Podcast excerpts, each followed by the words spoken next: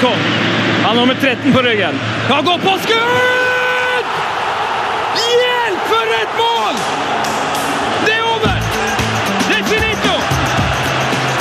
Det er klart! Vi er ferdig! Pang! Heia fotball med Tete Lidbom og Sven Biskår Sunde. Heia fotball! Heia fotball! Milan! Milan! Solo cote. Hva er grunnen til at jeg synger på denne nydelige Milan-sangen, min godeste venn Sven Biskår Det er vel fordi at det er fredag, og du skal på Kvelertak-konsert i kveld. Ah, Kvelertak. Du bare gleder deg sånn. Nei da, det er nok større grunner til det, for neste fredag så er det ikke Kvelertak som skal underholde. Da er det Milan og Rosenborg Det er helt sant! og Heia Fotball. Herlig fred! Vi har en eh, god nyhet til alle dere som er veldig glad i Rosenborg og AC Milan og fotballhistorie. Under P3-aksjonen uh, neste uke, fredag kveld, så skal vi invitere på Fotballfest! yes, eh, fotballfest på O'Learys, er det ikke det? O'Learys midt i Trondheim sentrum. Ja, så det, det her er jo en litt sånn spesiell gladnyhet for dere som bor i Trondheim eller i nærheten. da. Ja. Eh, Det er sånn at uh, vi skal gjenta fjorårets uh, Suksess. suksess med, da, I fjor under Petraksjonen så viste vi eh, Norge-Brasil. Riktig, Og samla inn 50 000 kroner til Regnskogsfondet. Det er helt sinnssykt. I år skal vi samle inn penger til Røde Kors. Riktig, det er riktig. Og vi skal da vise denne kampen, som nå har 20-årsjubileum i år. Eh, Da, altså, den største klubbprestasjonen et eh, norsk fotballag eh, har gjort, tenker jeg. Ja, det vil iallfall de fra Trondheim si. Ja, ikke sant? Greit. Eh, hvis du kommer fra et annet sted, gjerne kom med et bedre eksempel. Men eh, Rosenborg slo altså Milan eh, på San Siro. Altså, kan jeg bare dra kjapt gjennom Milan sin eh, lagoppstilling, eller? Veldig gjerne.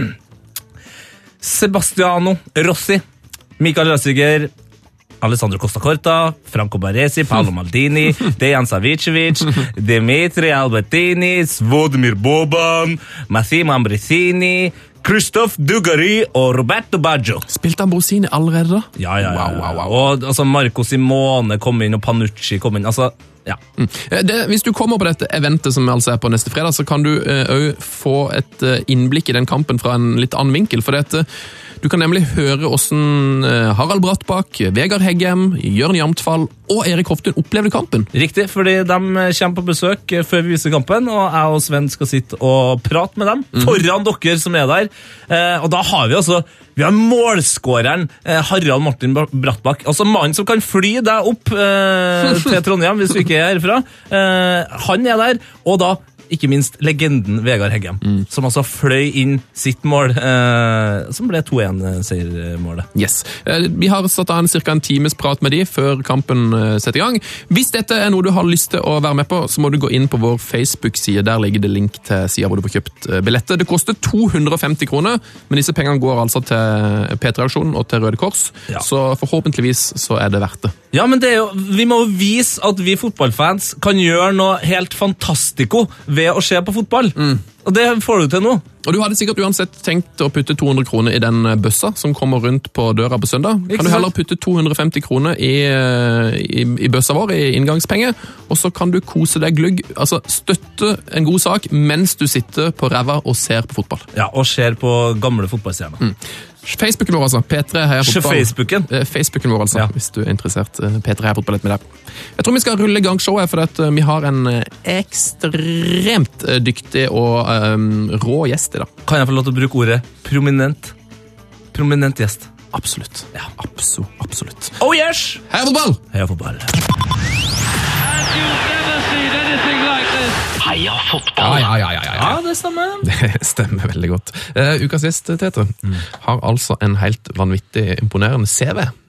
Ja, Den er lang og fin, Så jeg altså. tror det er den, den, den mest omfattende vi har hatt eh, til nå. I, ja, hvor mange gjester vi har hatt innom? Og godt over 100. Ja, faktisk. Styremedlem i NFF, visepresident i NFF, generalsekretær i NFF. Eh, Ukas gjest er også tidenes første kvinnelige styremedlem i Uefa. Hun har jobba for Fifa, fått egen sak oppkalt etter seg i nyhetsbildet. Vært kaptein på Trondheimsøren. Hun har spilt for Norges landslag i fotball, vært sjef for Ungdommens kulturmønstring, kultursjef i Selbu kommune, vunnet Kniksens hederspris. Rekker rett og slett ikke nevne alt hun har sysla med. Uh, ukas gjest er så engasjert i alt som skjer i samfunnet, at hun til og med har hatt en av Norges mest kjente politisk aktive hunder. Karen Espelund, velkommen til oss.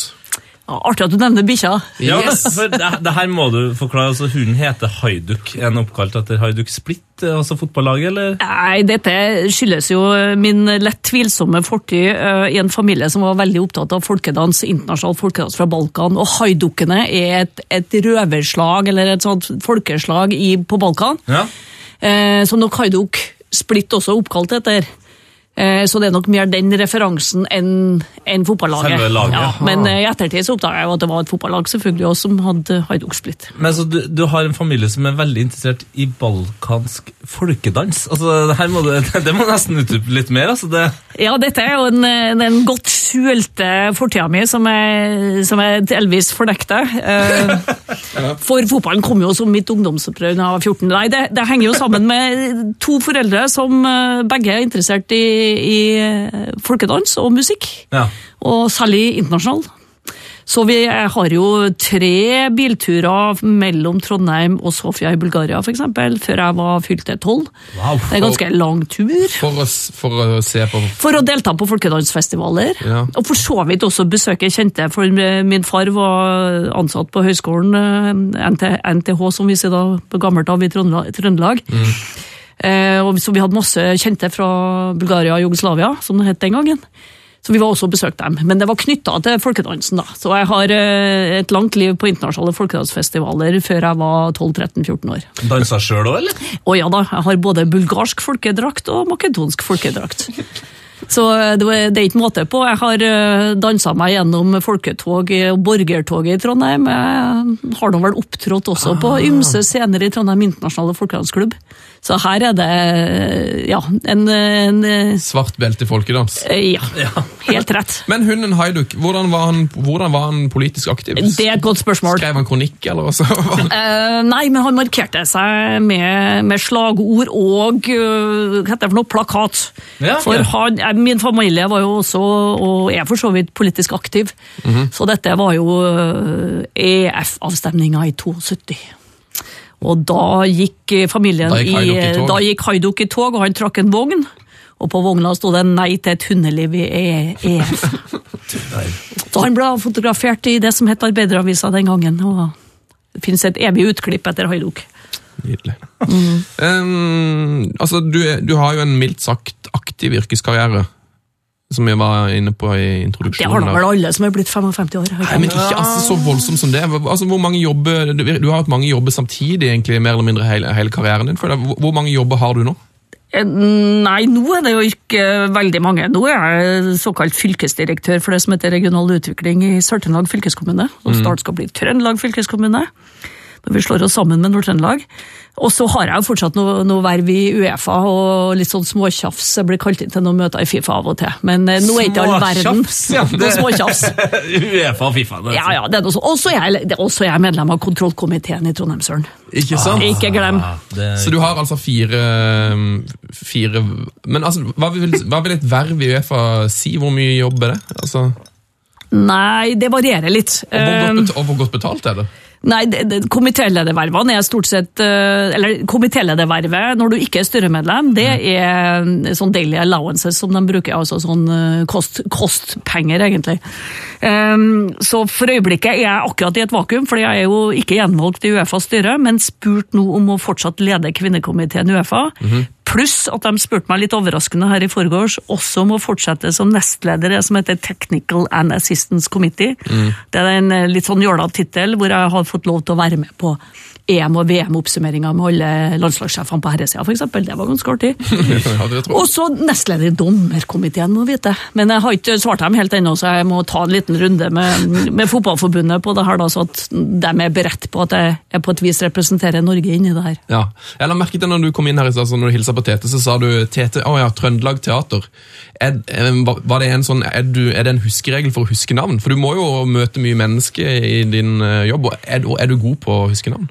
Jeg er ikke god på navn, men jeg er god på ansikt. Eh, og jeg husker veldig lett at jeg har møtt folk før, men, men hvor? Det er ofte trøbbel å klare å koble. Men så, hvis de sier det, så klarer jeg referansen. da, da skjer det. Det er bedre på ansikt enn enn på navn. Jeg syns den Trøndelag Teater den var ganske kjapp. Ja. Kjapp, du vet, jeg har jo for så vidt i i jobbsammenheng et ansvar litt for forvaltninga av våre tilskudd mot uh, Trøndelag Teater, så det er sånne forkortelser jeg bruker etter at uh, Trondheim Trafikkselskap ikke finnes lenger. Ikke sant? Ja, for det var det jeg mm, først og fremst ble kalt når jeg var yngre. Så var det liksom, ja, Eller Terje Tysland. Ja, ja. Nettopp. Ja, ikke sant. Ikke sant? Nei da, det, jeg vet ikke hva du foretrekker, da, men jeg får fortsette med Trøndelag Teater. Ja, det syns jeg faktisk Det finnes greit, det. Altså. Ja, absolutt. Flott. Du, altså, jeg lurer mye på den, en, en del av jobben din er jo å dele ut eh, premie. Medal medaljeseremoni og Jeg er pokal og sånn. sterk på premieutdeling. Ja, er du god på det? Veldig god på det. Har hatt uh, ikke mer enn to denne sommeren. da. Det var, ja, nei, det er litt, uh, litt begredelig sommer på premieutdeling her, må jeg si det. Men er det, er det som jeg lurer på, er det no, fikk du noen tips? Har du lært av noen? For det, det er jo, kan ikke gå på skole for å lære seg å dele ut Det er, lett, og det, er lett, det er lett å kløne det til. Og, oh, ja. liksom, at man oh, ja. hilser først, eh, eller så gir man diplomen. Altså, det, det er mye greier. Ofte en blomst inni bildet. Og, Ja, det, og ikke har jeg det. Jeg har som regel hjelp. Det er noen som gir meg det. Jeg skal henge over halsen på spillerne, da, eller uh, så vet jeg det at kapteinen skal få den store pokalen. Ja. Og da skal det være litt sånn schwung over løftet. Så det bruker jeg å avtale litt underveis. da Hviske til den kapteinen som skal få det, at nå svinger vi den opp. ja. Og så kan jeg tre til side. Hva er det største eh, trofeet du har overlevert?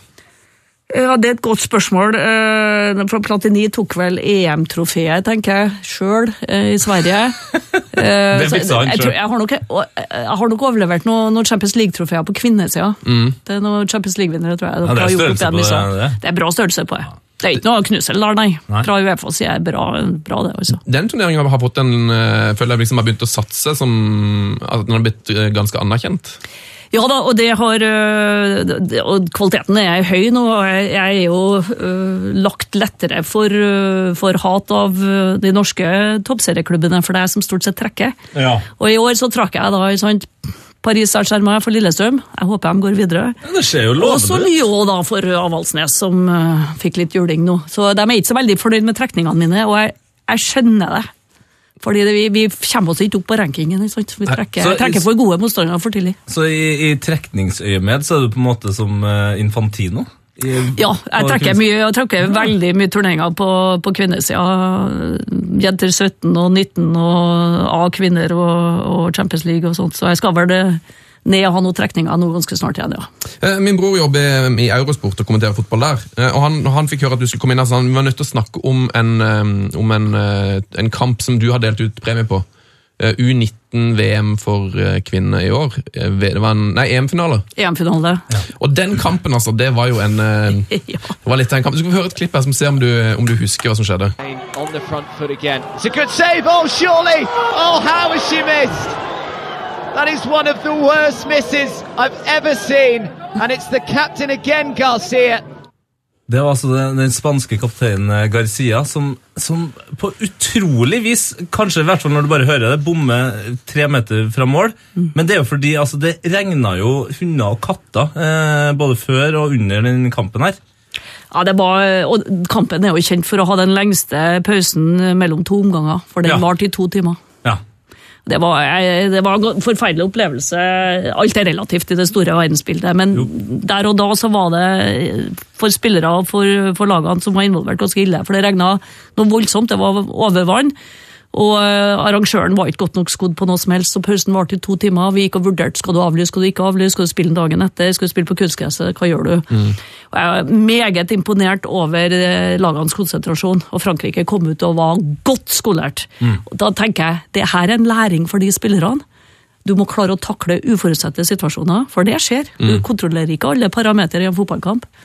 Men det var veldig spesielt. Og Men- eh, men- tålmodig Eurosport. ja, Det trygt si. Det var en tung dag på jobb, tror jeg. Men, men, eh, men ville det her skjedd med en herrekamp, tror du? Eh, Ville, eller ville den kommet til å blitt avlyst og spilt på et senere tidspunkt? Jeg tror det ville ha skjedd på aldersbestemt tilsvarende på guttesida, fordi man var opptatt av å avvikle. Det var en finale.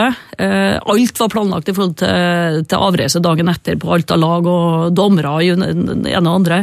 Så jeg tror nok at eh, en aldersbestemt eh, EM-finale som det her var, ville ha blitt avvikla der òg. Det hadde nok vært en annen vurdering i en EM-finale, både herrer og kvinner og en Champions League-finale og den type ting, men det, er her, det er dommeren som avgjør om det var spillerklart, og til slutt så godkjente dommeren banen. Da. Det var, altså, det var et par situasjoner der, eh, der jeg trodde faktisk at spillere skulle skade seg ved å sende en eh, seksmeters pasning. Altså, så mye vann var det på Det var jo vanskeligere for dem, vet du. Den ene skåringa som Frankrike har eh, Jeg tror ikke Spania syns det var kjempeartig å bli lurt på skikkelig ut på der. Ja, Det må ha vært grusomt, for den, eh, de, de, hadde det vært en ordentlig bane, så hadde det blitt 2-2 Ja. helt på slutten der. Og så hadde det det helt vært en helt annen kamp. Ja. Hvordan, eh, hvordan reagerer de lagene etter en sånn kamp? Er det, kommer det protester, og er de forbanna for at de mener det er for dårlige forhold? Og, Nei, vi, vi har fra UFAs side takka begge lag for utvist uh, sportslig fair play og, og ryddighet på det. Uh, Spania var selvfølgelig lei seg. Uh, de, noen av de spillerne tapte sin tredje Jenter 19-finale. Eh, Spania har fantastiske lag på jentesida. Er nesten det beste laget sånn spillemessig i hver finale, men vinner nesten aldri. Eh, og så er det vanskelig å si, for det beste laget vinner. Jo, jo, Det er jo liksom fotballens mekanisme, det, men, men spillemessig har de hatt noen fantastiske kamper, men de, de klarer ikke å ta hjem det siste. eh, mange kjenner jo eh, Karen Esplund, fotballederen. Men eh, jeg tenkte vi må bli litt kjent med fotballspilleren. Det var ikke noe tøyste heller. Nei, alt er relativt, da. Hvor, hvor, Eh, hvor var du? Jeg var en bra klubbspiller, eh, og jeg var ekstremt eh, dedikert, og, og er jo jeg kan jo snakke fotball i timevis, så jeg var jo sånn partykiller. For etter kamper så var jeg opptatt av å diskutere kampen og hva kunne vi lære og forbedre oss. Og jeg så mye fotball. Eh, Så du var liksom en tidlig fotballnerd? Ja, jeg var litt tidlig fotballnerd. Ja. Jeg var det, fordi jeg sier jo at det er et fantastisk intelligent spill. Altså Både i sin enkelhet, men samtidig i sin kompleksitet. Eh, så jeg var, en, jeg var en bra klubbspiller, og jeg tror jeg var en ålreit kaptein. Tok nå et ganske stort ansvar i så måte òg. Men jeg var ikke jeg, var ikke så klart å nå det internasjonale nivået, så det ble liksom to landskamper. Den første og den siste, og det var det. Ja. Men eh, over 300 kamper for Trondheimsøren og vel nærmere 60 mål, skårte du? Ja, var ikke noen stor målskårer, god på assist. Hvor, hvor var det du spilt på bane? Jeg starta, som wing en sesong, og så ble jeg midtbanespiller. Og stort sett eh, høyre half, som det het den gangen. Det er såpass, ja. Mm, nummer seks. Jeg hørte at du ikke kunne takle. Min mangeårige trener Terje Berg, som jeg er utrolig, utrolig glad i, han eh, sier at du takler jo som en kålorm, karen sa han. Det, jeg, tror, ikke- jeg var veldig positivt ment. det. Tror ikke jeg. Og det har han jo rett i. Så du var ikke så hard på banen, du var mer sånn ja, assist, en, en finspillende midtbanespiller? Ja. Eh, jeg var det, og jeg fikk jo aldri et gult kort. Det er, jo, og det er jo ikke fordi man skal pådra seg gule kort, men gule kort for en eh, litt fair og tøff takling, det, det, jo, det er jo lov. Jeg fikk tilsnakk av dommeren én gang. Det var den kjente dommeren Dollin inne i Nord-Trøndelag. Dolling! Dollin, ja. Han, eh, han dømte altså helt til han var eh, sikkert nærmere 80. Noen og 80, fantastisk kar. Han kalte, seg til, kalte meg til seg en gang, for jeg hadde sagt et banneord. Jeg bomma på en pasning, og så sa jeg banneordet på F til meg sjøl. Mm, Da- Ikke bannes. Det var det nærmeste jeg kom tilsnakk, så det sier jo litt, da. Dere har gått over 300 kamper. det er Et tilsnakk. Men Hvorfor het han Dollin? Var han dårlig til å dømme, eller var det et ordspill på noe? kallenavnet hans. Ja. Dolling. Og han, eh, han eh, Skal vi se hvordan han i slekta til Jonas Svensson er jo etterkommer etter en Doldin, skal jeg si. Tina Svensson som er tanta til Jonas. Tina Svensson er jo gammel landslagsspiller for Norge. Det var onkelen hennes. Og Tina er tanta til Jonas igjen, så Så det, det var i Svensson-slekta inne på Verdalen. er det voldsom fotballslekt der. Veldig fotballslekt. Han er i familie med han Wajeba Sakurø, som spiller i du. Vålerenga nå. Det ser du. Eh, Gode gener. Ekstremt gode, gode gener. Eh, må, altså, jeg har hørt at du spilte ulovlig for Trondheimsøren. Den første sesongen, ja. Ja, det var jo Det fantes jo ikke noe aldersbestemt fotball for jenter i, i Trondheim på det tidspunktet. Eh, Og det var jo faktisk ikke lov å spille egentlig på guttelag heller. Eh, Jeg tror ikke Fotballforbundet gikk etter de jentene som spilte på guttelag. Men, eh, men da var jeg for ung, fordi aldersgrensa var 15, så jeg, var, jeg kom til Trondheimsøren som 14-åring. Så jeg var litt for ung. Rett og slett litt, også, Det her må jo være karrieretruende for deg nå, at du har brutt eh, reglementet? Veldig karrieretruende. Det kom en liten sånn spjæling på knapt 40 kilo, vet du, og da møtte jeg medspillerne mine den gangen, som var noe fantastisk flotte og i dag gode veteraner. Var bare dobbelt så gammel som meg. Og noen kilo tyngre, så det, ja, det var jo et eh, interessant eh, møte, men det var så mye flotte hvite jenter som, eh, som var ganske alene i sine miljø den gangen, og som ble gode spillere. Nå sitter flere av oss og heier på dagens Trondheimsøren, og det er kjempeartig. Jeg hørte deg på Sommer i P2 i sommer, eh, hvor du hadde din, din egen time med, med radio. Der fortalte du at damefotball har vært ulovlig i Norge. Ja da, Fotballforbundet anerkjente kvinnefotball og tok det offisielt opp først i 1976. Da var jeg 15 år. Så det, det, og det, det er jo som jeg sier, altså hvis du sier det til et lag av tolvårige jenter, forteller at det var forbudt, så skjønner de jo ingenting. Og det er jo kjempeartig at det er kommet dit.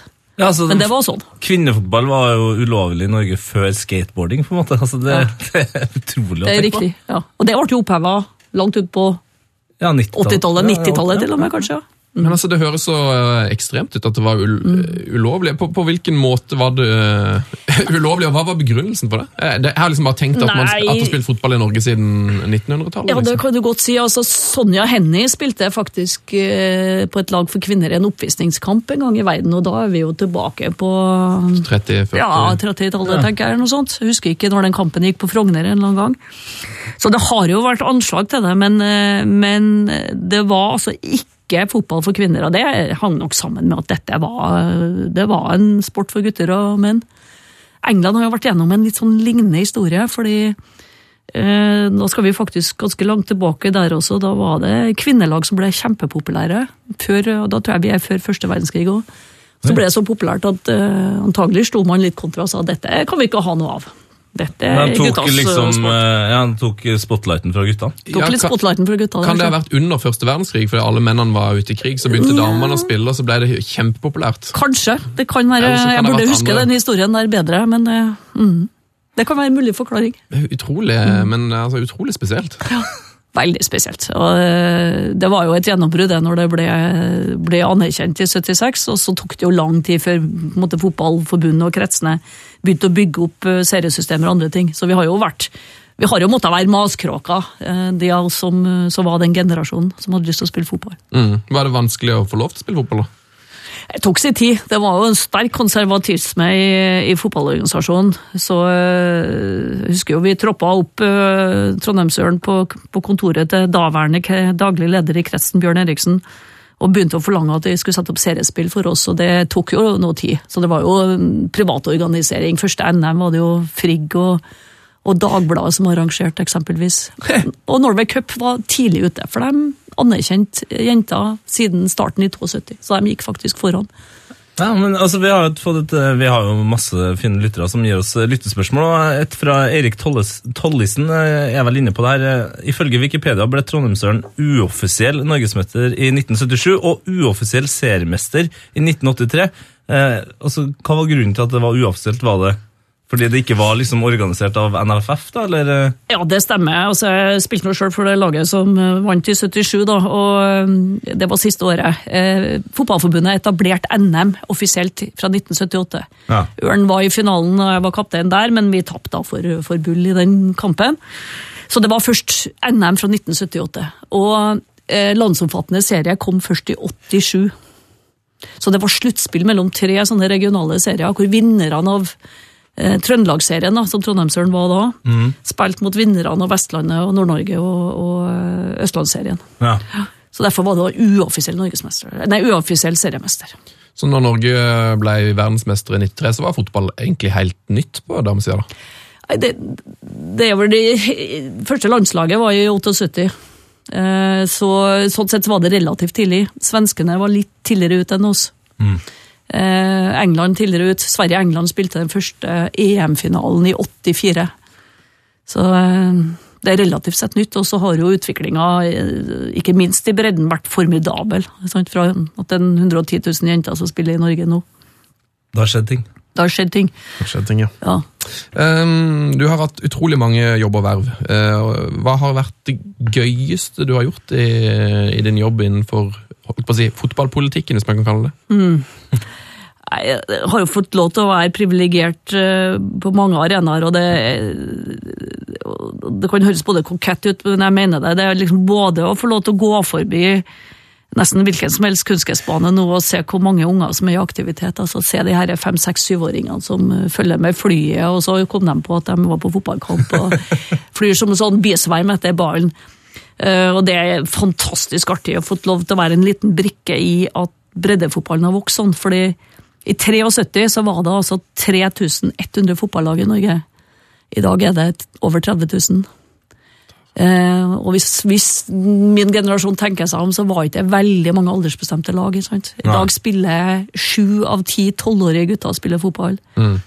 Tre til fire eh, tolvårige jenter spiller fotball. Det er et potensial fortsatt der, men det er en enorm, enorm vekst. Men så har jeg jo i andre enden fått lov til å, være med og sitte på tribunen når Norge har blitt verdensmestere og olympiske mestere på kvinnesida i kampen mot Brasil sant, i, VM i 98. og hatt mange fantastiske opplevelser også på det, men også, det er kanskje også å sitte igjen og du treffer veldig mye hyggelige folk altså, som har fotballen felles over hele, over hele verden. Vet du at uh, i Mostar åpna en ballbinge? Det fortalte du om i, i P2. Ja, fotballen har jo Fotballen er ikke i stand til å, å redde verden og stoppe alle konflikter, men fotball kan gi litt glede i traurige hverdager. Og Fotballforbundet var med på et prosjekt eh, etter Balkankrigene på, på 90-tallet. eh, Hvor vi fikk bygd ballbinger, og all takk til et godt samarbeid med Utenriksdepartementet, som brukte idrett og fotball som et ledd i fred- og forsoningsarbeidet. Så så mens vi spilte i, i landskap mot Bosnia, eh, så besøkte vi Mostar, for der åpna det en ballbinge som dette prosjektet hadde gitt.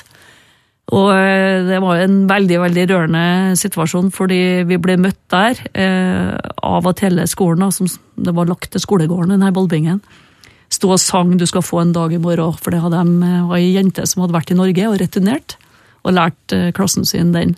Så det var en eh, fantastisk opplevelse, altså. Åh, det var fint. Mm. Jeg fikk frysninger når du sa at du satt på tribunen under Norge-Brasil. men. Men, men eh, for oss eh, her i Norge, og i den tida som har vært nå, hvor det har vært ekstremt mye kritikk av Fifa og Uefa, så, så drar jo ofte Fifa fram dette her med at man jobber for at verden skal bli et bedre sted å være, og at, liksom, at fotballen kan gjøre en forskjell. Og Det kan kanskje være sånn vanskelig å, å forstå, men når man hører den historien der, og, og sikkert mange andre, så, så stemmer det på en måte litt. Har du noen flere sånne historier som kan overbevise de der ute om at Fifa gjør en, en viktig jobb? da? Ja, øh, ikke sant. Igjen, fotballen, øh, fotballen er et universelt språk. øh, Og Fifa har sine 205 medlemsland. Og det universelle språket gjør jo nettopp at unger kan møtes og forenes gjennom, gjennom fotball. Selv om du ikke kan språket, så lærer du kanskje hverandres språk etter hvert. Og det er jo ikke noe tvil om at uh, mye av de prosjektene som fortsatt løper, som også Norges utenriksdepartement og, og norsk, norske regjeringer har vært med på gjennom mange mange år, går også på å bygge ballbinger i, i flyktningleirene i, Jordan, eksempelvis i forhold til syriske flyktninger i dag. Uh, og det, det er ikke noe tvil om at det i hvert fall da bringer litt grønne glede og håp i, i, i ungenes øyne, og glemmer den vanskelige hverdagen. Eh, Fifa er også med på utviklingsprosjekter, så kunne jeg alltid sagt at eh, man kunne ha brukt ressursene antagelig enda bedre. Eh, Men så må man ikke over i svulstigheten. Eh, Jeg har jo lenge sagt at hatt Blatter mistenkt for å ønske seg Nobels fredspris eh, mest av alt, på et vis. Det blir kanskje å trekke det en smule langt, for å være litt sarkastisk. Mm. Men at man kan være med på å også fra fotballen og idrettens side å legge til rette for, eh, for den type samfunnsunderstøttende aktiviteter, det har Fifa råd til. eh, Og det har Norge råd til, og det har Norges Fotballforbund råd til å bidra på. Eh, Og det har også en del andre land. Så det gjøres jo tilsvarende flotte prosjekter mm, fra flere av de andre landene i, i Europa. Hvor har du vært, bortsett fra Nå har du allerede nevnt Balkan og Jordan. Nei, fotballen har brakt meg nesten over hele Europa, og det har vært eh, veldig veldig ålreit, men også tankevekkende. sant? Du møter fattigdommen i Moldova så fort du beveger deg litt ut av Chisinau, som er hovedstaden. Eh, så du ser jo kontrastene, kontrastene så det holder. Eh, Jeg fikk også lov til å være med da vi spilte landskamp, privatlandskamp eh, mot Senegal, sammen med, organiserte sammen med TV 2 en støttekonsert for Plan. Eh, Det var ganske sterkt å se våre eh, fargede norske landslagsspillere den gangen eh, nesten komme til Afrika for første gang og oppleve en, eh, oppleve Senegal den gangen. Så det har vært, det har vært mange, mange både flotte og tankevekkende opplevelser, og så skal du være ydmyk for at uh, vi er født uh, og trukket et godt, uh, en god lottokupong ved å være født i Norge. Altså. Ja, selv om, selv om det, det gjelder ikke alle. Det finnes også folk eh, her hjemme som, som sliter. Men i sum så, så er vi av den ja, på på den grønne, grønne sida av gresset, skulle jeg til å si. Men eh, altså, når du har reist så mye rundt, eh, er det noen land som på en måte virkelig påpeker, altså som bare utpeker seg som der fotballinteressen er ekstrem? Der har du lagt merke til at altså, her er fotball så mye mer viktig eh, enn f.eks. i Norge? Det er jo veldig forskjellige kulturer. Det, for dem som følger med en del av landslagsfotballen, så vil du se at um, hvis du beveger deg ganske langt sør og øst i Europa, så ser du nesten ikke kvinner på tribunen. Det er klart at uh, har opplevd noen kamper i, Serbia i Bosnia og deler av det hvor det er enormt eh, følelser involvert, og 98% av tilskuerne er, mannfolk som eh, uttrykker seg og heier og på en helt annen måte. Ganske krevende kamper. Mm. For Norge òg, og dessverre i noen sammenheng også mørkhuda spillere på vårt lag blitt eh, fått rasistiske utrop eh, retta mot seg. Det, det er jo synd og beklagelig og skal rapporteres inn og tas. Men, men fotballen betyr mye. Det er egentlig det som er bunnlinja på det her. Det betyr enormt mye også eh, for å bygge nasjonal stolthet. Og dette er jo områder som har bygd seg opp igjen etter konflikt. Jugoslavia er oppløst, gamle Sovjet er oppløst i, en rekke eh, mindre stater, hvor fotball og idrett også er en del av den nasjonale stoltheten. Det merker du. Så har jeg ikke vært på seriekamp i Brasil, så det, den opplevelsen har jeg til gode ennå. Den har du til gode. Du var inne på det her både med rasisme og um, tidligere Sovjet. Altså, det skal være VM i Russland i 2018. Og der er det jo veldig mye snakk om, eh, om rasisme på tribunen og i, ja, i hele landet. Altså, hvordan, eh, hvordan, har de, hvordan klarte de å få det tildelt, det mesterskapet? Nei, det er ikke jeg i stand til å svare på. Det er noen gode spørsmål knytta til både Qatar og, og Russland. og hvor, I hvor stor grad det ene er tildelingsprosessene. For det er jo ikke noe tvil om at eh, tildeling av mesterskap har jo vist seg å være et eh, potensielt arnested for mye korrupsjon. Og så skal jeg ikke karakterisere hva som har skjedd i de to tildelingsrundene der, for det ser nå fortsatt eh, FBI og andre aktører på, da. Om det har gått eh, ryddig nok for seg. Men eh, det er klart at eh, her, her eh, utfordres eh, fotballen ganske kraftig. Eh, ytringsfrihet, eh, tribunevold, rasisme. Men jeg var ganske imponert over det samspillet vi har hatt eh, fra Uefas side, også inn mot Polen og Ukraina. Veldig sterkt fokus på, på risiko for, eh, for rasistiske ytringer. Veldig godt eh, samarbeid med en organisasjon som heter FAIR, som er Football Against Racism in Europe. eh, Og det ble gjort veldig mye forebyggende tiltak, og det gikk veldig, veldig bra.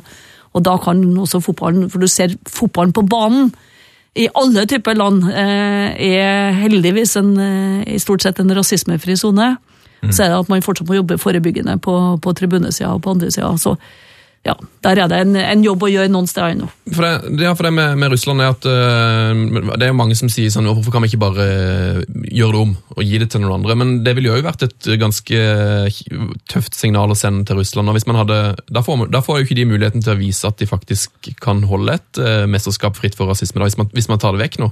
Jeg syns fotball må bruke den krafta de har eh, til å kunne påvirke enten det gjelder arbeidernes rettigheter i Qatar, eller det gjelder eh, å jobbe forebyggende og opplysende, som man gjorde med Polen og Ukraina også, i forhold til Russland. Så det må benytte sjansen til å, eh, til å utfordre det og gjøre gode opplæringstiltak, gode forebyggende ting. Mulighet for å sette fokus på det. Det er en anledning til det, i hvert fall. Går det an å, å ta fra Qatar det VM-et nå? Så, så, si, så kort tid Ja, før det, det, skal skje? det begynner nok å bli krevende å gjøre det tidsmessig, så det tror jeg ikke kommer til å skje. Men kan det skje? Eh, Ja, det nærmer seg jo fort eh, deadline. Eh, I teorien kan det skje, og så er spørsmålet hvem som kan overta. Mm. Men jeg tror ikke at det skjer, og jeg ser at Infantino som ny Fifa-president også har gått inn og sagt at det, det er ikke spørsmålet. Eh, Tete, du har sagt at ikke du har lyst til å reise til VM i Russland. Ja, altså, jeg har kjempelyst, i hvert fall. Altså, det kan jo fort være at jeg ender opp med å gjøre det. Men eh, altså, vi var jo i, i Frankrike under EM nå, og vi kjente vel egentlig begge litt på, på det her, terrortrykket som, som var der da. Men, men det er på en måte en veldig mye sånn større ting, mens den her eh, eh, litt sånn fiendtlige følelsen man får eh, av det man vet om Russland, det, det blir litt noe annet, for det er på en måte mindre plan. Da.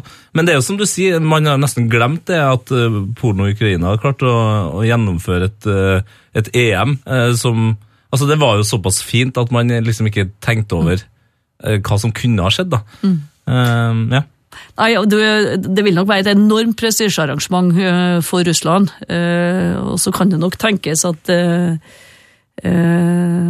prestisjen ble så stor at det skjer ting eh, som vi ikke ser. Eh, så jeg syns jo det er ekstremt viktig at Fifa holder trykket oppe på, på en del av disse allmenne sannhetene, enten vi snakker ytringsfrihet eller, eller antirasisme. Altså. Ekstremt viktig å benytte det. og Eh, Jeg har ikke sett så mye om det er trykt på nå, men det må det gjøres. Hvor mye, hvor mye større har disse her turneringene blitt siden du begynte å jobbe i, eh, i disse organisasjonene? For det er f.eks. EM i La oss gå til 88, da. Det var vel ganske, et ganske mye mindre kostbart og tungdrevet arrangement enn det det vil bli i EM i, i 2020. Det var vel åtte lag, var det ikke da? I 88 nå. Det kan stemme. Tipper jeg at det ennå var. ikke sant? Så det er klart at nå det er på 32 lag, så er det, det er en eh, enorm forskjell. Og nå diskuterer man til og med utvidelse til 48 i disse dager. Eh, Det syns jeg man skulle tenke seg grundig om før man gjorde. Men eh, det krever noe, ikke sant? både på stadionutbygging og på fasiliteter. Og TV-produksjonen er blitt helt rå. Eh, Fantastisk, både, både VM og EM de siste gangene. Publikum strømmer til. Eh, Men det er en, det er en gigantorganisering å håndtere 38 lag kontra, kontra 8. Nei, 32 lag kontra 8. ikke sant? Det sier seg sjøl. Eh, Vi har fått et eh, lytterspørsmål eh, som jeg gleder meg veldig til å få svar på. Og det er et bilde her som du sikkert har sett før, og som du sikkert har forholdt deg til før. Det er fra Jonas Pluss på Twitter som skriver Jeg ønsker å vite hva Karen så her. Og Det er altså dette veldig kjente bildet hvor du sitter foran det er vel Carlos Queiroz og sir Alex Ferguson på en eller annen kamp, og så har du et um, Det ser ut som du har sett et spøkelse eller noe sånt. Ja, det er Lupesco som sitter Johnny Lupesco som er technical director i Uefa som sitter rett Ok, bak meg. okay. Snakker med og hvisker inn i øret til Ferguson. Ja. Nei, du, jeg, jeg, jeg sa det når jeg kom på jobb og alle hadde hengt opp dere der og syntes det var styrtelig morsomt, selvfølgelig. Så sier jeg ikke si at jeg ikke følger med. Uh, Nei, gud, det, det var ganske Jeg la merke til at uh, kameraene sto og klikka hele kampen på, på i retning, og det var jo Ferguson de var interessert i. Så jeg har nok uh, sperra opp øynene for et feil innkast eller et eller annet sånt, tenker jeg. Feil innkast, ja. ja det, altså, er det mulig? For, for dem som ikke har sett bildet før, så kunne man jo nesten tro at det var når, eh, når San Marino skåra 1-1-skåringa på Kunne Ullevål. ha Altså, trodd det, det, men der var ikke Ferguson. Det, ja. det er i hvert fall helt sikkert. Ja. Vil han ikke ha med seg den godbiten? Ikke sant, kan du forstå. Ja. Det første målet til San Marino i en, eh, i en kvalikkamp Ja. eh, på 15 år. ja, vet du, det var Ja, nei. Ikke bra. Bra for San Marino, men ikke for oss. Men når du kom på jobb dagen etter denne kampen, så hadde alle kollegaene dine hengt opp på, Ja. i kantina og på Det hang et par steder, ja. Så jeg måtte jo bare si det. Jeg følger med. Ja. Eh, Du har møtt mange av fotballens aller største navn. Sir Alex ser vi jo her. Eh, Pelé, sikkert? Ja da, jeg har uh, møtt Pelé, og han er en uh, den, Dette begynner å bli ganske lenge siden. Dette var på slutten av 80-tallet, tenker jeg. Uh, han er, var jo en meget frittalende mann, så jeg var i en øh, litt eksklusiv middag med prinsesse Ragnhild og, hans, og hennes mann, og Ah, Pelé og fotballforbundet var vertskap. Ja da. Så det var, og han hadde ganske sterke synspunkt, jeg hadde den til bords, ganske sterke synspunkt på eh, hvordan eh, også norske næringslivsfolk opererte i Brasil. Ja. Og da satt eh, noen litt lenger bort og drev næringsvirksomhet i Brasil. For er sånn at Erling Lorentzen han eh, Ja. vel og hogger ned eh, eller eh, har en cellulosefabrikk, en av de største i hele verden. som forsyner seg godt fra regnskogen. Eh, ja, jeg ser han eh, kritiseres for det. Ja. Det er helt riktig. Så, Når man Da var det god stemning da, mellom Lorentzen og Pelé, tenker jeg. Eh, Ja, det var jo gemyttlig. Altså, de bor jo i Brasil og var jo ekstremt opptatt av brasiliansk eh, fotball. Og dette var når eh, Pelé var og besøkte sammen med Havelange den gangen. Besøkte Norway Cup.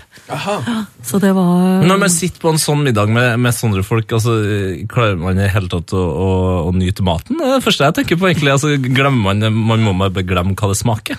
Jeg var, jeg var jo 27 år den gangen, eh, og synes jo det var stas, for han var jo en, han var jo en helt og flott kar. ikke sant? Og jeg synes jo det var artig å oppdage at han hadde en såpass tydelig samfunnsmessig engasjement i tillegg til fotballsida.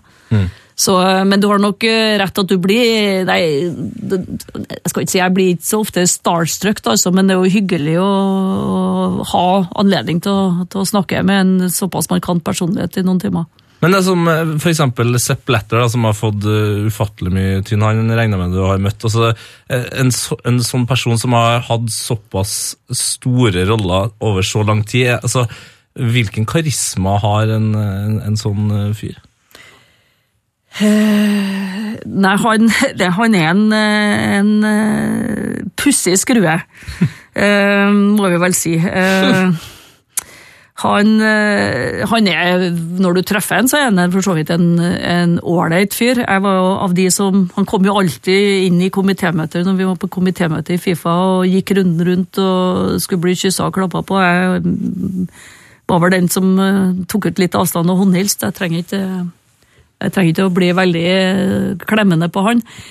Eh, og han vet jo at jeg har vært ganske kritisk gjennom mange mange år til han, men han er, han er, han er, veldig, han er ganske selvopptatt og selvsentrert.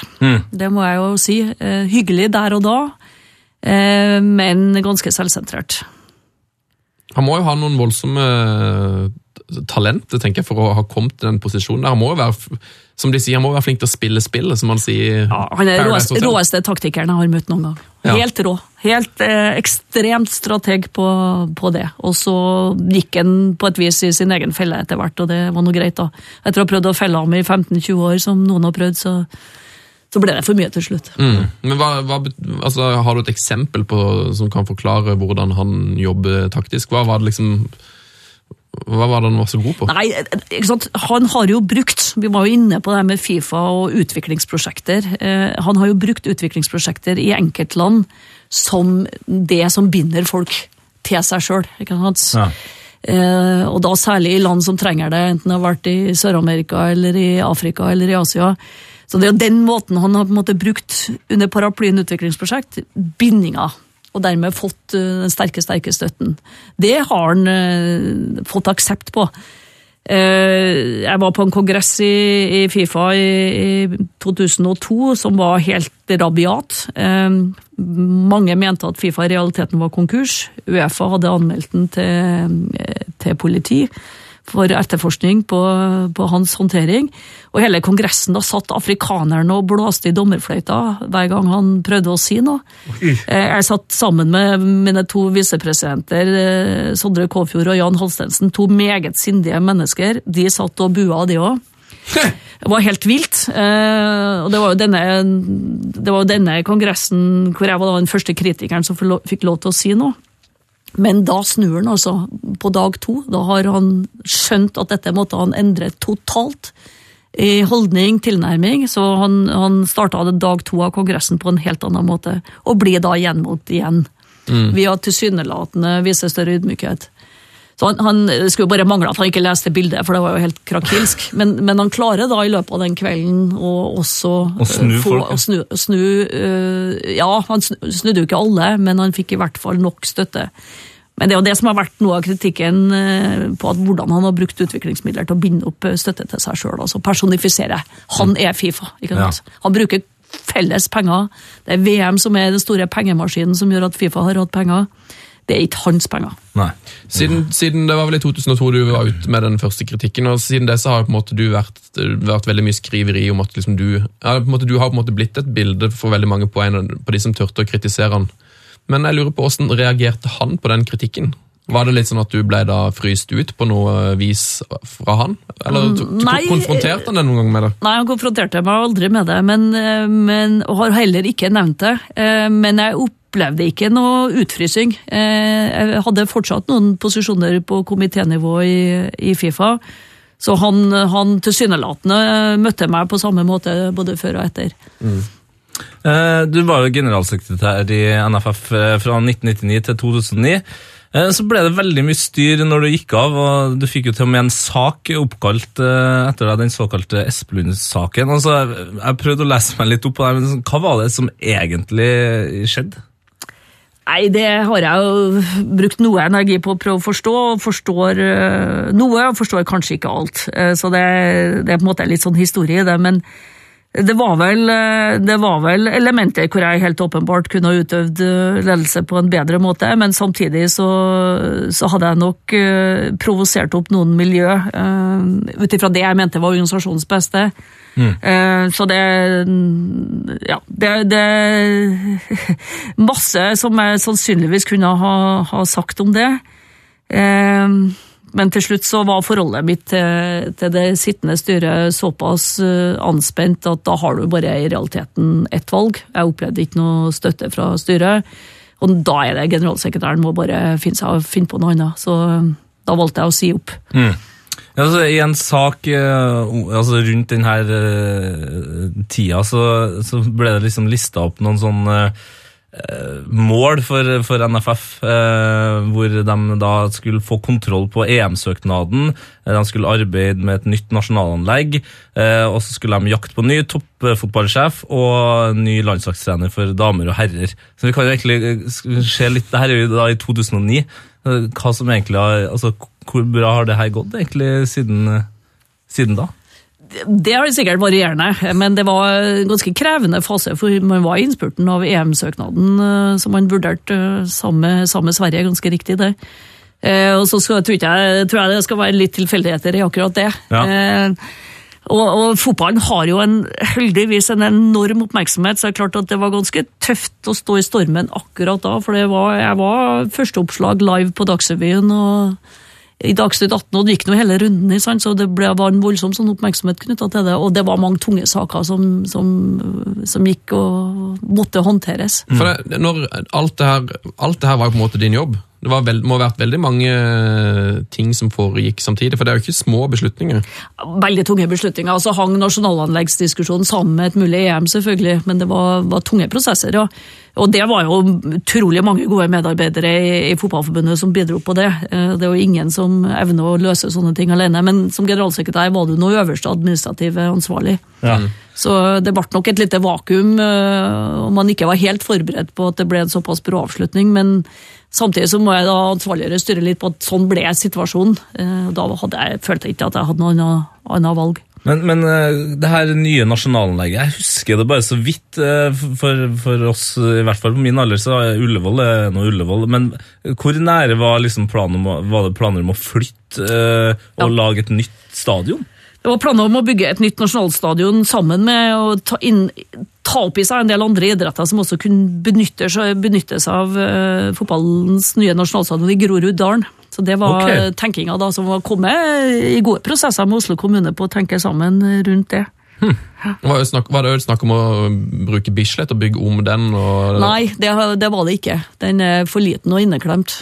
Ja, Så det, ja. Så det, det var en helt annen, for du må opp, måtte opp i størrelse Ullevål etter siste ombygging, og nå er det jo fullført, jeg har jo ikke helt 30 000. Og det er liksom minimumskravet i en del kamper, så man måtte, måtte bygge et nytt sted, for det er begrensninger på Ullevål. Mm. Vi tar et lytterspørsmål fra Torjus. Eh, Er Uefa Fifa like gjennomkorrupt som det virker eh, som fra utsiden?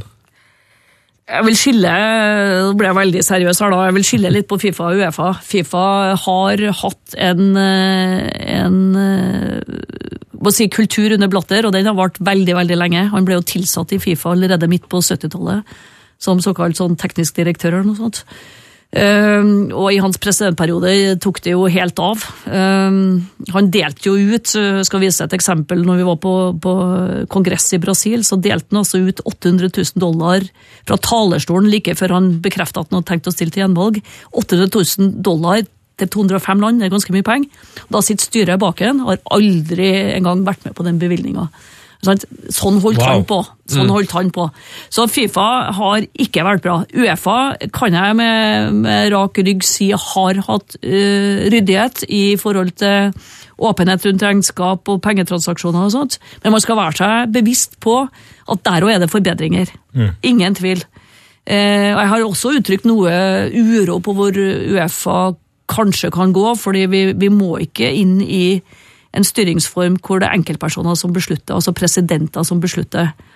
Der var Lennart Johansson som gammel eh, Uefa-president krystallklar. Eh, Det er kollektiv og styre som beslutter. Du så en glidende overgang i andre typer styringsformer også under Platini. Så, eh, det er, og det er nok litt den kall det nordiske, nordeuropeiske modellen litt mot mer søreuropeisk modell. Så jeg er veldig tydelig på å advare mot å gå i den type retning fortsatt. Men er det ikke litt trist at eh, sånn som Torjus er, eh, på en måte tenker at, det, at den organisasjonen som du jobber i, eller egentlig begge som du jobber i, er gjennomkorrupt? Og jeg syns, jeg syns det er trist, og samtidig så, så skjønner jeg det. Omdømmet til Fifa er ikke på frysepunktet engang, det er langt ned i dypfryseren. ikke sant? Eh, Uefa har også fått seg noen skudd for baugen, men ikke i nærheten av, av Fifa. For det er ingen som i Uefa er tatt for korrupsjon. Når Platini ble det, så er det fordi han var den gangen Fifa-tilsatt. Det var knytta til hans engasjement i Fifa, men det ramma Uefa. For han, når saken kom opp, så var han Uefa-president. Eh, men det betyr igjen ikke at det ikke er forbedringspunkt. Men det, det illustrerer jo noe. Folks oppfatning av internasjonale idrettsorganisasjoner og internasjonale fotballorganisasjoner er jo ikke bra. Så det må man jobbe med å forbedre. Ja, Det gapet er jo veldig stort mellom Veldig det og, og den her ballbingen i Mostar. For eksempel. Veldig stort. ikke sant? Har du noen gang tenkt at du bare, uff, det her orker jeg rett og slett ikke å jobbe med det mer? da?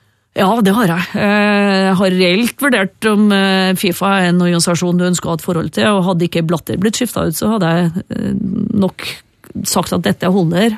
Jeg er veldig spent på hvor Uefa utvikler seg. Så jeg følger det litt sånn med type argusøyne, så tenker jeg jeg er fortsatt sammen med primært fotballforbundet som kan påvirke, da, Mm. i en posisjon hvor du kan være med på å prøve å trekke det i riktig retning. Og så får man bare si nok er nok på et eller annet tidspunkt. Mm. Hvis det ikke lykkes å trekke det i riktig retning. Så klarer ikke jeg det alene, men jeg kan være en liten, bitte liten brikke i det. Har du sett bestikkelse og har du blitt tilbudt ting sjøl? Nei, eh, det har jeg ikke. Eh, Så jeg har eh, hørt veldig mange sånn type historier, men ikke, ikke vært utsatt for det sjøl. For det, hvordan, altså, du, var jo du var inne på det så vidt her med at det, det er tildelinger til land og sånn. Hvordan er det liksom disse her bestikkelsene fungerer?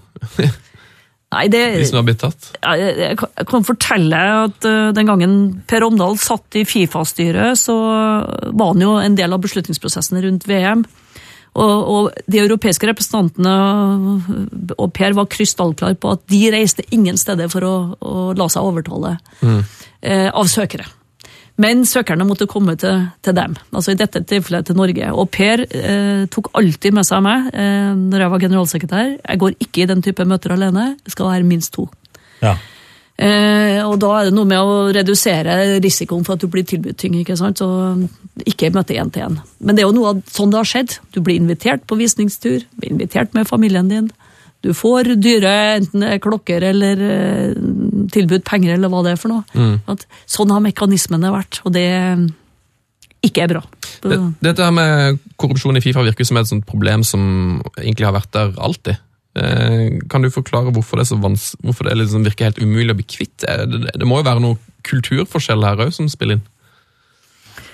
Ja, det er jo kulturforskjeller, eh, helt åpenbart. Og så skulle man jo tro at et land som Sveits, eh, som er ramma både for Fifa og Uefa, var såpass ryddig i de strukturene når det gjelder revisjon og andre typer ting. Men, men det er igjen altså eh, den bindinga man gjør på individ, slik at man binder til seg presidentene i veldig veldig mange forbund gjennom et utviklingsprosjekt, gjennom en posisjon i en komité, gjennom oppmerksomhet på den type ting så, så forsvinner de kritiske mekanismene.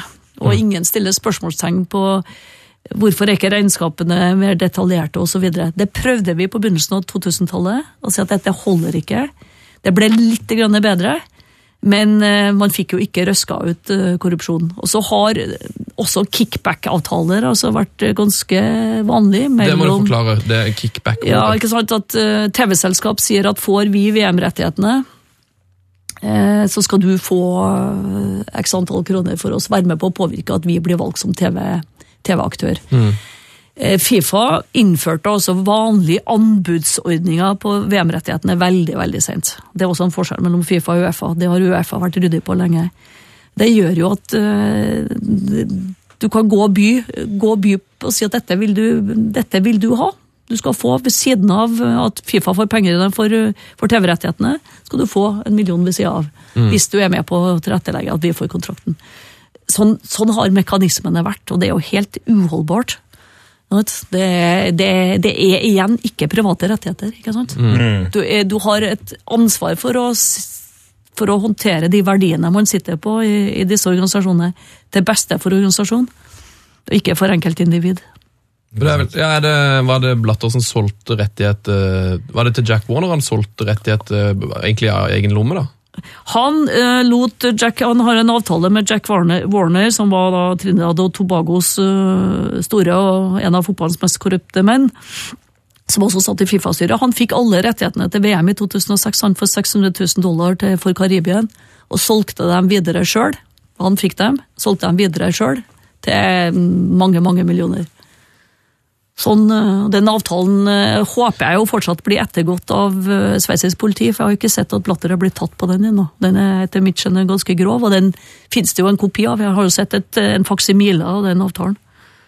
Det er tung materie der. Det er tung tung materie, det er tung materie, vet du. Og jeg, og jeg, tenk, jeg tenkte liksom jeg skulle løse det opp med noe med å, å, å snakke litt om, om det norske landslaget, men eh, altså, det, det spørs om Ja. det blir noe mye, mye lettere av den grunn, men eh, vi, må, vi, må snakke om, eh, vi må snakke om Norge, eh, landslaget for herrer, som så på en måte egentlig så vidt klart eh, å vinne mot San Marino. Det ble jo til slutt 4-1.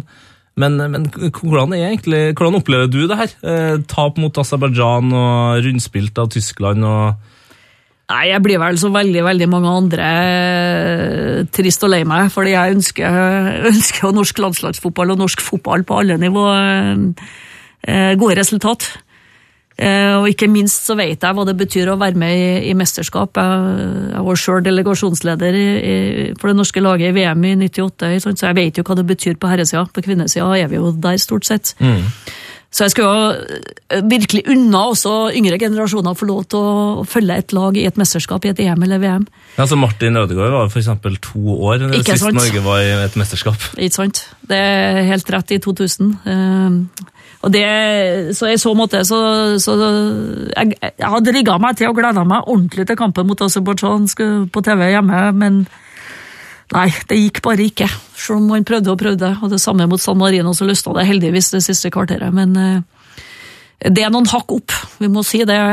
Når du har så mye fotball under EM, så er det klart at eh, det er et stykke eh, igjen. Og så samtidig er det jo, må jo alltid ha trua på at det er mulig å, å tette det hullet. Men så ser man jo samtidig at land som både er på samme størrelse med oss, men også mindre, som Wales og Island og Nord-Irland, på en måte gjør det motsatte av Norge. At de faktisk får til mer nå som eh, fotballen er liksom eh, søkka i penger og alt sånt her. Altså, hvor, hvor eh, tenker du at det store problemet er? Er det bare Høgmo, eller er det lenger opp, eller er det breddefotball? Altså, hvor, hvor starter det der? Nei, Jeg er jo enig i de som sier at det er jo ganske bemerkelsesverdig at breddefotballen får skylda hver gang herrelandslaget ikke gjør det bra. Det er, tvert imot har vi jo en modell i Norge som, som gjør at jo større bredde du har, jo større sannsynlighet er det jo for at du finner, får opp også gode toppspillere. Så det, det er noen kortversjon av den debatten der, da. Ja.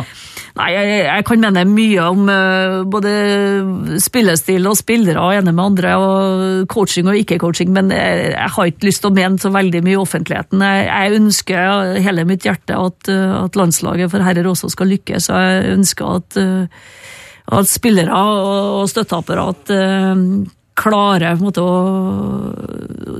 ja, ta hjem tre poeng nå.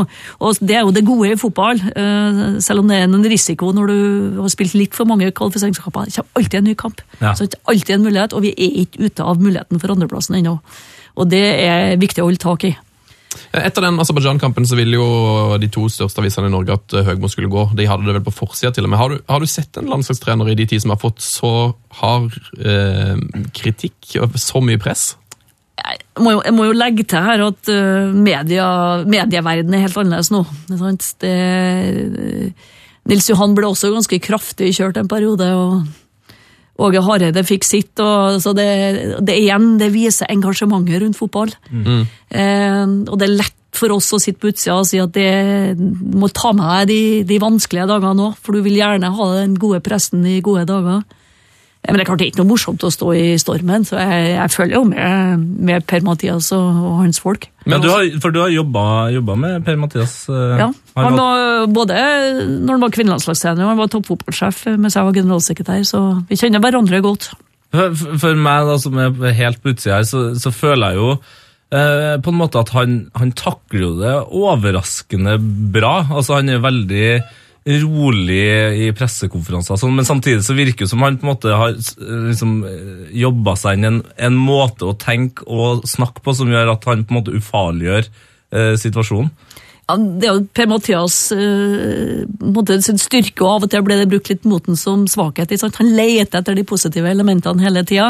Ja, for det kan, det kan være litt provoserende, rett og slett. Ja, og det, det kan jo jeg jo innimellom.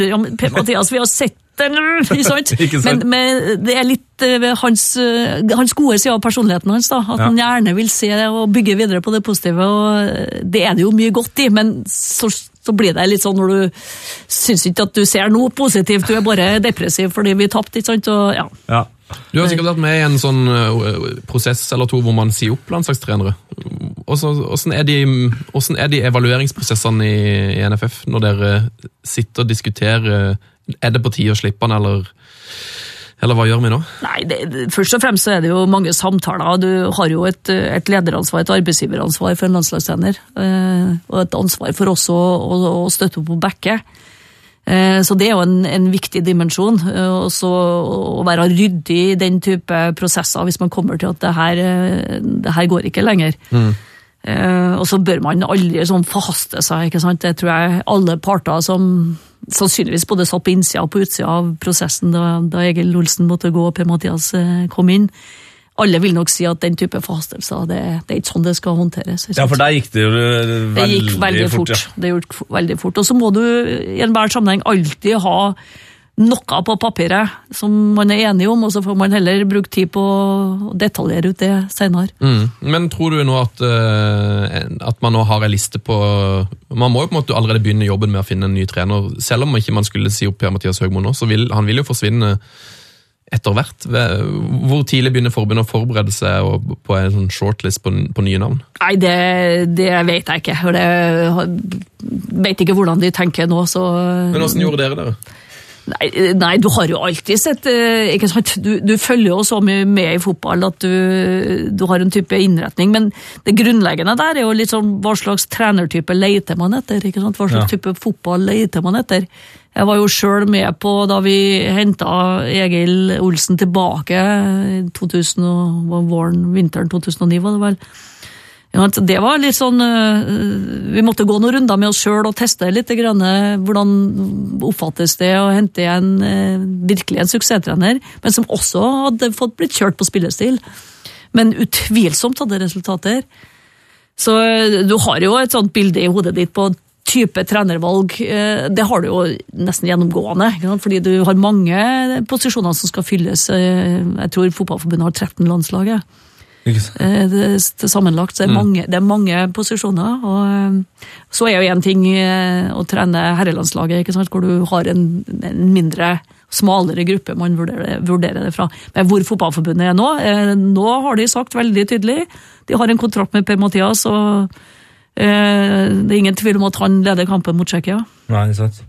Men, eh, men eh, altså, ikke som jeg kan huske, i hvert fall, så har Norge hatt en eh, utenlandsk landslagstrener. Er det et veldig veldig bevisst valg, eller har det vært sånn? Fordi det hører man jo liksom hver gang det er snakk om en ny trener, så det er sånne eksperter som roper at nå må vi slutte å, å være så trangsynt, og nå må vi hente inn hjelp fra utlandet. Hva, hva tenker du om det?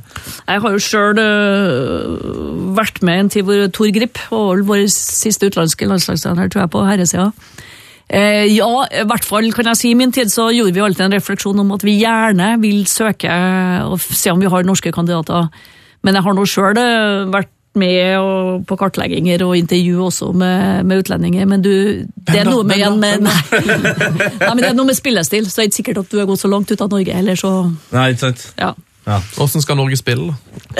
Nei, jeg er jo en eh, Akkurat på det punktet så ser jeg de samme kampene som Egil. Jeg ser veldig mye på Atletico Madrid for tida, og jeg ser på jeg syns det var veldig artig å se Leicester i fjor. Ja, og Det sier litt om, eh, litt om tilnærminga mi til det. og Så skal jeg ikke gjøre noen vurdering på om det skal prege og dagens spillere, men jeg syns det har vært artig å se den type kontekstfotball. Island var artig å se, ikke sant? tilsvarende i EM.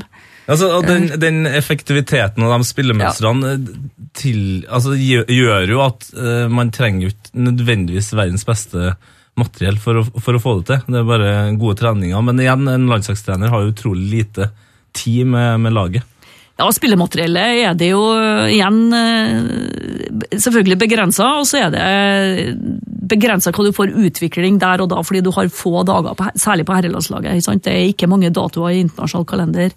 På kvinnesida får du gjort litt mer, for det er flere datoer du kan bruke til, til landskamper. Så det der er jo, det der er jo begrensa, det. Så, men, men jeg er jo så enkel i hodet mitt at uh, i fotball gjelder det faktisk å vinne. Ja. Når du snakker om det nivået der, altså når du snakker om toppnivået. Det er resultatene som teller. Da er det artig uansett. Da er det utrolig artig uansett. Det er det. Sant? Vi, Steffen sin var det han som skåra mot Spania EM i 2000. Ja, den headinga, ja. Den headinga, jeg har sett eh, Norges landslag ikke være i nærheten av å ha ballen mest, men likevel vinne.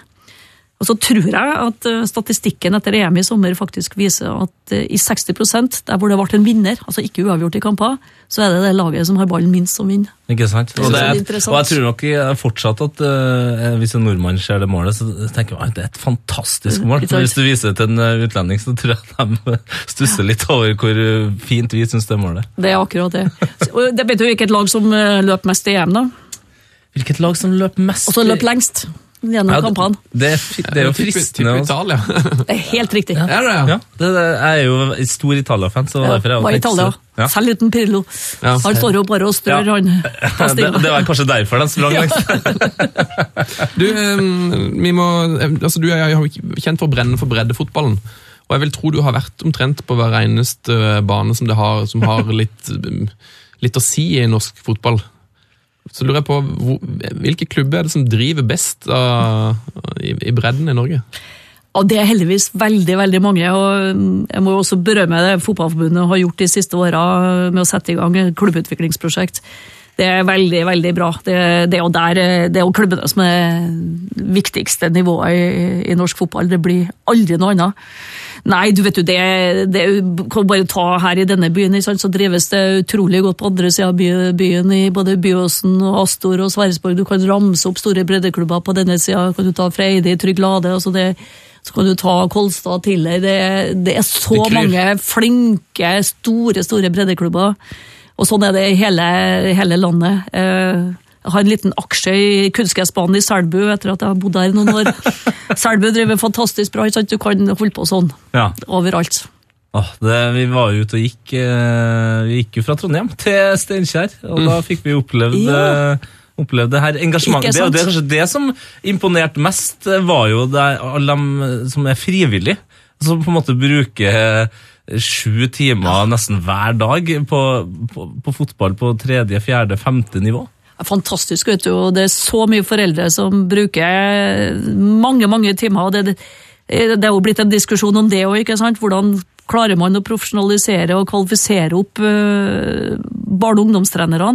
Ja, det må man kvalifisere opp, men å tro at ikke vi har, øh, trenger foreldre, og gode og flinke foreldre, i, i fotballen, er å lure seg sjøl. Det er så stort. Det er altså 30 000 lag totalt, og det er ikke mye seniorlag av de 30 000 lagene. Hvor mange av de lagene har du sett spille for? Nei, 27 200, nei, ikke i nærheten. Nei da, det, det, jeg skal ikke påberope meg å ha sett så veldig mye, men jeg, jeg prøvde som generalsekretær å se en toppseriekamp på lørdag og en tippeligakamp på søndag i helgene. Så, mm. Og så selvfølgelig var du ute på, på ikke minst turneringa på breddesida. Eh, ta noen lytterspørsmål her. Eh, eksperten lurer på om det er sant at du er Stoke-fan. Nei. Det er helt feil. Liam Brady er svaret mitt da. Da vet jo de skarpe lyttere hvilket lag jeg da heier på i England. Det er Arsenal. Det er helt riktig. Det er hans skyld. Det er hans skyld, ja. Eller hans ære. Nei, fordi jeg, jeg drev, Når jeg var midtbanespiller sjøl, så drev jeg alltid og prøvde å finne meg rollemodeller på, på det jeg så av, av lag, og kunne se på TV. Mm.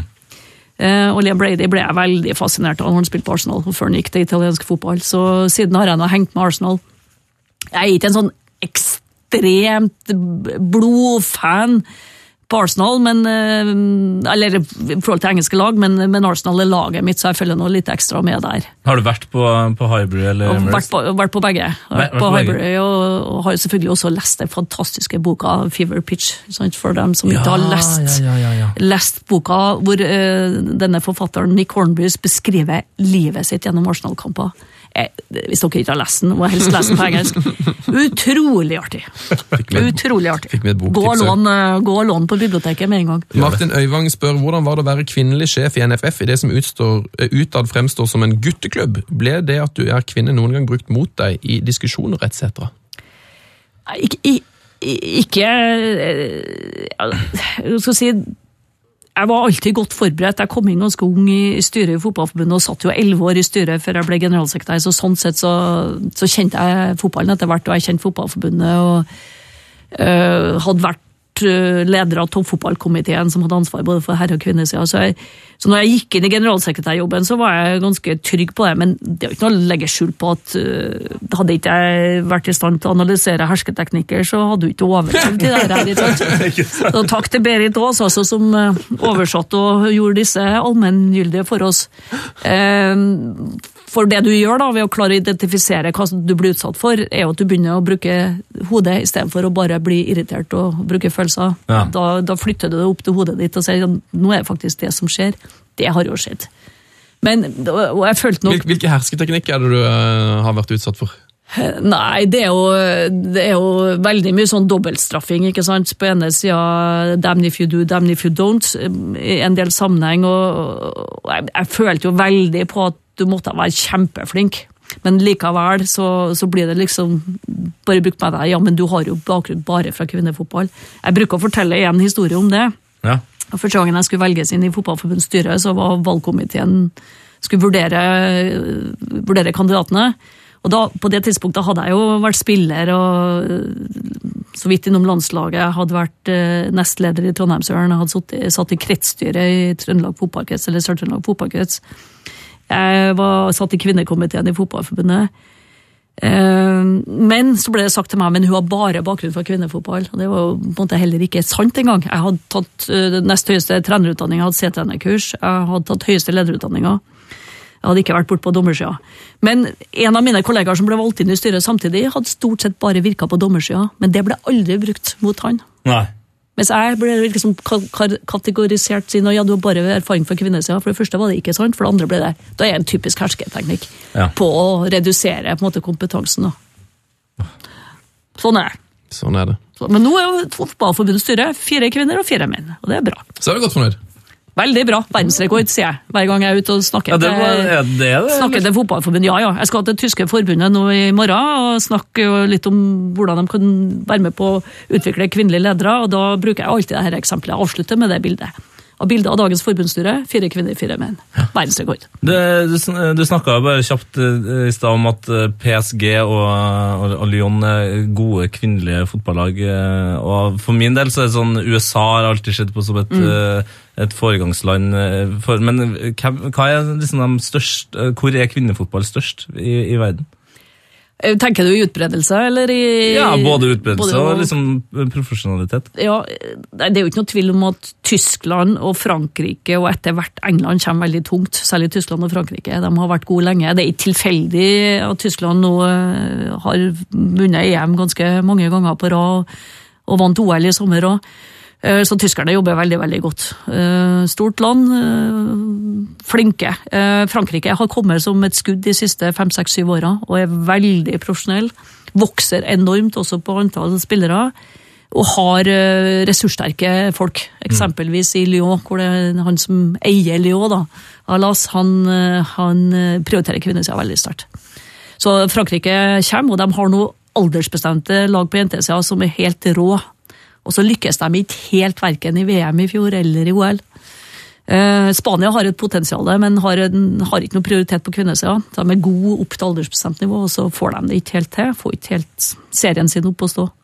Og så er USA alltid tung. Det er en eh, Fotball er jo lagidretten for kvinner, for du har ikke baseball og du har ikke amerikansk fotball som, som kvinner spiller. Nei, så det er på en måte fotballen som er blitt lagsporten. Så er det en sport stort sett for middelklasse, middelklassen i, i USA. Det er det jo på herresida òg, derfor tar den på en måte ikke helt av. Sant? Ja, det er en av grunnene til at den ikke tar av. Ja. min, min lille enkle analyse Mm. Det er ikke veldig mange du ser fortsatt ikke veldig mange svarte fotballspillere i USA. Ennå er USA et mye mer sammensatt på, på bakgrunn Mm. enn en, en deler av Europa fortsatt. Eller store deler av Europa. Så det er noe der. altså De tar ikke helt av, men USA har, eh, de spiller nesten 40 landskamper i året og opererer nesten som et klubblag på kvinnesida. Og det er klart at eh, da, da er det helt andre rammebetingelser, og de har ikke en liga som er sterk nok. Jeg forsvarer jo den europeiske modellen og sier at vi kan ikke klare oss uten gode serier. Det er basisen. Så er landslagene på en måte et supplement til det, men USA har snudd det litt på hodet. Får, vi- får vi LSK til Champions League-finalen? Det er jo det store spørsmålet. Krysser alle mine fingre nå, så det jeg kan. Jeg håper det går, og de var være gode i andreomgangen i- hjemme. Vi, vi har så mye eh, som vi egentlig burde snakke om, men eh, vi begynner å gå tom for tid. Eh, vi skal bevege oss til ukas drømmelag. Heia fotball! Vanskelig? Ekstremt vanskelig. Um?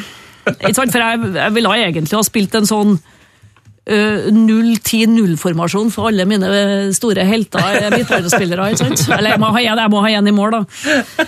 Så jeg ble liksom ha vraka Pirlo, jeg vraka Luka Modric. Oi, oi, oi, Det er jo fantastiske spillere som er vraka ut av det laget, og det er vondt, da.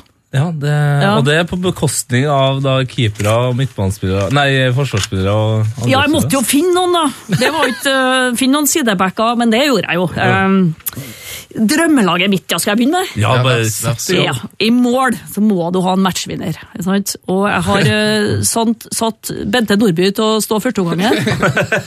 og Erik Thorsvedt skal få stå andre omgangen. Å, det er en fin duo. I vårt beste på kvinnesida. sant? Vi hadde aldri blitt både europ- europamestere, verdensmestere eller olympiske mestere så jeg har hatt Bente og en matchvinner, i mål. Det må du ha. Så det er en fin duo. Så har jeg to stoppere som òg er ganske knalltøffe. Det er Gro Espeseth mm. og Marius Tresor. Marius Tresor, der eh, henger ikke jeg helt med. Frankrike på 80-tallet. Kan dere ikke Marius Nei, nå er vi, nå er vi for unge her, eh, Sven. Vi Ja, det, begge han på spilte jo sammen med Platini og Tigana og det ja. laget der. Sant? Han var ikke min favorittspiller på det laget, det var Tigana. Jeg har sagt til Platini at det ikke var han. Men Marius det Tresor var, var en knalltøff stopper.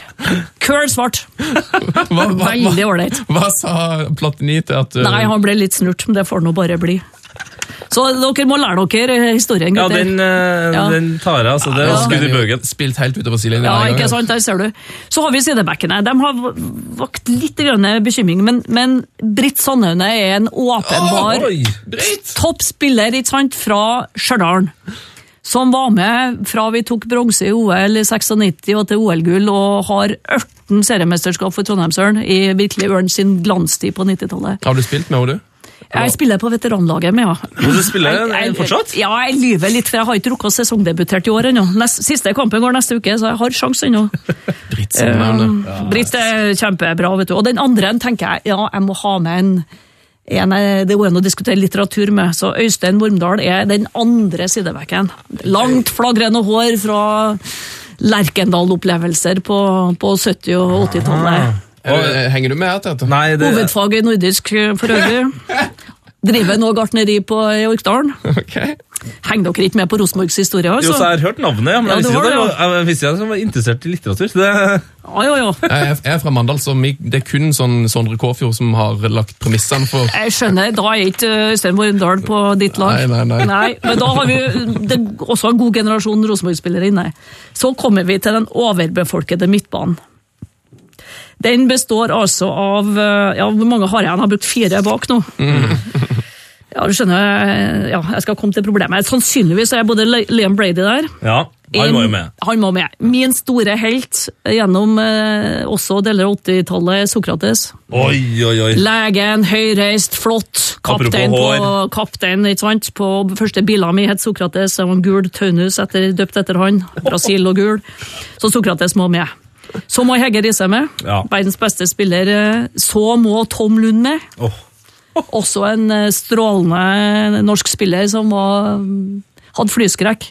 Hadde flyskrekk, ja, Han, flyskrekk, vet du, så han måtte, måtte kjøres eh, rundt overalt. og Kunne ha sannsynligvis hatt en stor uh, internasjonal karriere òg. Han hadde det, sjø. Han har kjørt mye bil. Og så må jo eh, helten fra min første VM-finale på TV, hvor min tyske bestemor og jeg satt sammen, og jeg heia på Holland og hun på Tyskland, Johan Cruyff må med. Så det er fem stykker på den midtbanen der. Relativt god. Hege Riise rydder opp der. Hun rydder opp, vet du. Og så sliter jeg jo, har jeg bare én plass igjen. Ja. Skal det bli Puskas, eller skal det bli Pelé?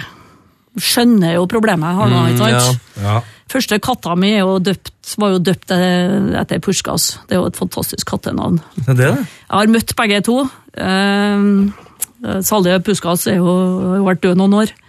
Eh, så jeg, jeg er litt sånn i, i, vanskelig her, men jeg tror jeg lander på Pelé. Han kan- var jo datidens eh, klart verdens beste spiller, selv om Garincha hjalp en og var god på, på kant der. Men du har jo brutt NFFs lov før, som du sa, så du kan jo kjøre i Kan jeg kjøre tolv? Ja, det syns jeg. Jeg synes det synes jeg. Hvis det er noen som skal kunne kjøre tolv, så må det Ikke være du. sant? Eller så kan de spille hver sin omgang, da, de to. Ja, det går an. Det er en variant. Det går an, vet du. Puskas var jo Ungarns store spiller på 50-tallet, og også Real Madrid. Men da spiller de eh, hver sin omgang, så mener jeg, da sier jeg egentlig bare at du, du får også inn Pirlo, så, så blir det tolv. Ikke sant, Pillo, Luka Modric, altså det er vondt dette her. Eh, Gjør sånne valg, så dere må ikke drive og utsette oss for sånt bestandig. Altså. Det der, eller ellers så må vi øke eh, antallet til en 15-20 per lag. Ja, det var et nydelig, nydelig drømmelag. Det var, nydelig. det var en nydelig prat, Karen Espen. I like måte.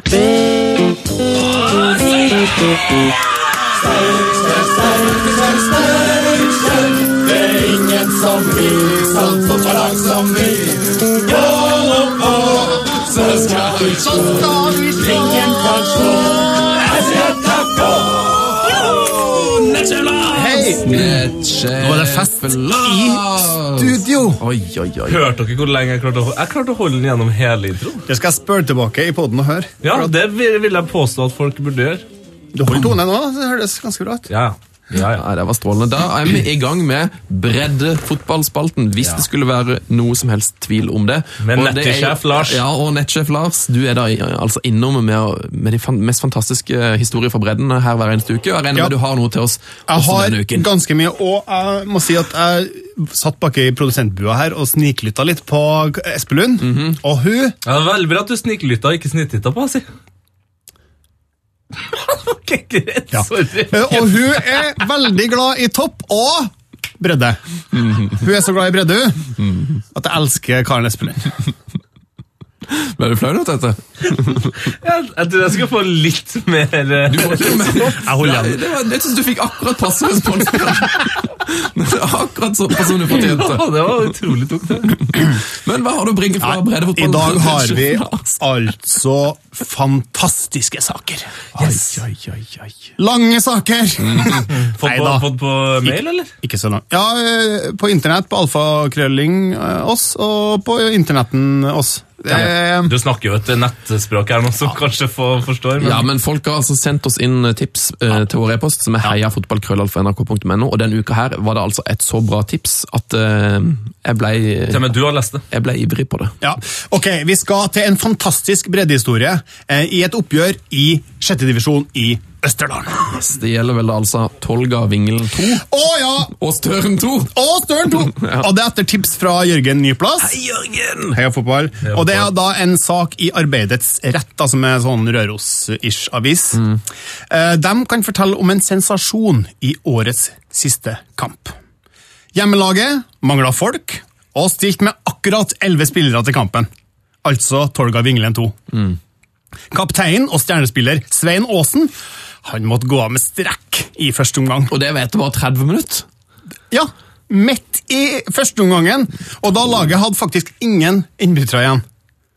Men på tribunen, der sitter varaordføreren Leif Vingelen. Han heter selvfølgelig Leif Vingelen. Fra, Vingelen. fra Vingelen. Ja, Som spiller på Vingelen 2. Eller han spiller han, så, ikke foregrip! han, så, okay, okay. han, han sto på tribunen og så på. Ja. I pausen sa han Nei, du, jeg kan jo steppe inn siden dere mangler folk. Siden han er varaordfører. Yes! Han er jo en innstepper!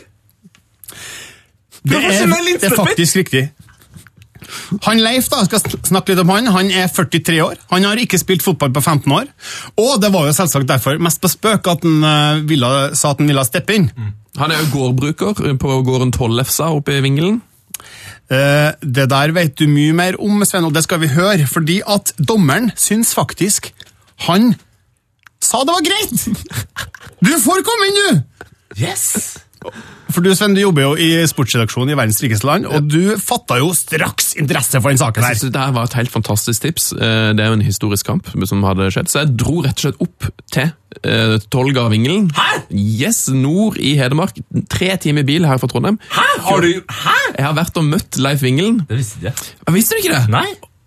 Og nå skal vi da eh, høre hva som skjedde da han fikk klarsignal fra dommeren om å komme inn på til banen i andre omgang, og Leif skal få på seg passende tøy. Da var jeg godkjent. Da kom jo det, det store spørsmålet var jo å finne noe som en kunne tre ut av på denne smekre kroppen. Så da klarte jeg å trø meg inn i shortsen til Åsen, og så hadde de eh, ei trøye da, som gikk utapå.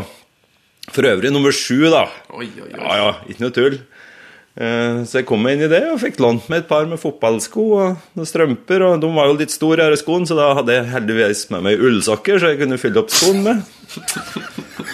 Og så var det match, da. Og så ble det match, da. Altså, han Ullsokker i skoa. spilte fotball med ullsokker. Er ikke det fantastisk? Er ikke det breddefotballsk? Det er jo altså. For en eh, mann. Men vi er ikke ferdige her. Leif, Leif har faktisk to sønner, og begge spilte selvsagt kampen. Oi, Så det var tre Vinglen på Vinglen 2? Yes. Det var det nok, og her skal vi høre videre hva som skjedde da en av guttene hans tok corner mot slutten av kampen. Jeg mener bestemt at det var en corner fra høyresida som han eh, Johannes, han eldstemann her, slo. Og da tror jeg helt korrekt sagt så sto jeg akkurat der jeg skulle stå. For ballen den landa foran meg, og så det var i grunnen bare å bruke eh, venstreslegga og så skyte den mot mål. Så enkelt var det. Og da suste den rett i krysset, eller? Ja, Det hadde jo vært drømmen, men det gjorde det jo ikke. Det var jo ei lompe. Den gikk mellom noen føt og trilla over streken. Åssen eh, ble det feira? Du, da sprang jeg egentlig nesten det lengste løpet underveis i hele kampen. For da var det jo helt ifra bort på målet, og så måtte jeg jo innom tribuna, for det var jo vill jubel derifra. Så jeg måtte jo dit da, og, og feire litt med dem, i og med at det var kjentfolk oppå der. ja, det vil jeg tro. Det var jo kult. Jeg har aldri fått så mye jubel samla. Det, så det var, det var artig. Gladsak! Gladsak! Gladsak! det For en nydelig sak! Det var herlig, altså. Fantastisk. Fortsett å sende oss sånne tips. Vi reiser gjerne ut altså, og treffer sånne helter som Leif Vingelen fra Vingelen. Med uh, sønnene Vinglen og Vinglen på Vinglen 2. Eller Tolga Vinglen 2. da Skal ikke glemme Tolga opp her. Det, jeg håper jo at det er spillere på det laget som også heter Tolga til etternavn. Det vil jeg, vil nesten tro. Altså. Det vil jeg nesten tro. Er såpass. De tapte for øvrig 4-2 mot Støren 2. Du, de vant hjertet. Lars. Overalt på grunn av at vi formidla den historien. Jeg snakka ganske lenge med han Leif her, og jeg spurte han hvordan kampen endte. Det var han ikke helt sikker på. Så det er veldig bra at du informerer om at det var 4-2, for han var litt, jeg tror han trodde kanskje det hadde blitt 3-2. Det, det, Vi er sier det var 3-2. ja, det er en ærlig sak at han blir litt uh, fortumla. Ja, det var mye for han. Det var mye for han. Er, er han den første eh, i hvert fall omtalte spilleren som har scora med, med ullsokker? Au. Eller Det var sikkert noe han drev med før i tida. for meg, Da spilte han jo fotball i støvler. Liksom. altså, jeg har i hvert frem til at han må være den eneste tobarnsfarsvaraordfører tobarnsfar-varaordfører som spiller med sine sønner etter å ha blitt bytta inn fra, fra tribunen. Som blir assistert av sin egen sønn. Med ølsokker. Det tror jeg ingen har gjort før. Og skåra med ølsukka. Verdensrekord. Skal vi gå videre, eller? Ja, det, det er vanskelig, men ja. Jeg veit. Sven ville ha han som første sak. Ok. Styrer og steller mye, Sven? ok, nå skal vi til Bessaker i Roan. Bessaker! Ja. Bessaker! Eh, det er da vår venn David Munkan som har tipsa oss. David. som har oss om det, og det, vi må jo bare, eh, vi har jo snakket om den før, men han er jo en ildsjel og trener i klubben, som kjører 44 mil til og fra kamp når han skal på vei å spille og det- trene. det er breddefotball, Mm. Det er, bredde, det er så bredt, det. Ja. Og langt, da, for så vidt. Bredt og langt. Ja. Eh, her sier de eh, klubben at han Henrik Andersen får søndag sin debut for UiF Bjørgans A-lag. Jaha? Hva er så spesielt med det, tenker du? Jo, nå skal jeg fortelle. Fotball har nemlig vært viktig for Henrik hele livet, og som liten gutt så var målet hans å komme på A-laget til Bjørgan. Oh, det er greit mål. Men etter hvert så ble det klart at hans sykdom satte en stopper for det her. Og det sier klubben at det er kanskje noe som ville ha fått de fleste til å gi opp et liv i fotball. Men han ble oppmann på- og lagleder for A-laget, og fra første stund har Henrik vært en viktig bidragsyter i støtteapparatet rundt seniorlagene, og nå trener i sjette divisjon. Men nå har hans trenerkollega i Børgan tatt initiativ til å gi Henrik en obligatorisk A-kamp. Yes. Og det er en spennende lokaloppgjør mot Åfjorden, så det er jo en perfekt anledning. Klubben sier vi, skal, eh, vi ser frem til at eh, Henrik skal få en obligatorisk A-kamp, slik at han også kommer inn på adelskalenderen til Bjørgan. Så de oppfordrer deg å møte opp på Bessaker nå på søndag klokka eh, 14 og hyll Henrik idet han entrer banen. Den gangen her i spillerdrakt. Wow! Yes! I dag breddes det noe Der, ja, altså. altså. Der, altså, Netchef Lars. Rekker vi en liten sak til, eller Jeg har vi gått over? Er vi på podden? Eh, Vi, vi er i podden for lenge siden. Ja, ja. Vi er på den for lenge siden. For dere som ikke forstår denne humoren, så vi har jo også et radioprogram som går eh, fra 12 til 2 på lørdager, Ja, og der klipper vi altså inn eh, breddenyhetene. Ja, det er så vidt. Og det klippes! Og det klippes! Det klippes hardt! For det, på, på radioen så prøver vi å få bredden ned i 3,5 minutter, det er liksom målet. Men jeg tror aldri nesten vi har vært under fem minutter, for det blir, vi får det aldri ned i, i mindre Nei, enn fem minutter. nei, nei. Men i dag, nå ser jeg at nå er vi snart oppe i ti minutter. Det skal klippes! Det skal klippes. Men uh, vi, er, vi er på den, og da rekker vi én sak til. Ja, Den er kjapp, altså. Jeg lover. Det er da Marius Helga som har krøllalfa oss på Twitter. Hei, Marius. Halla.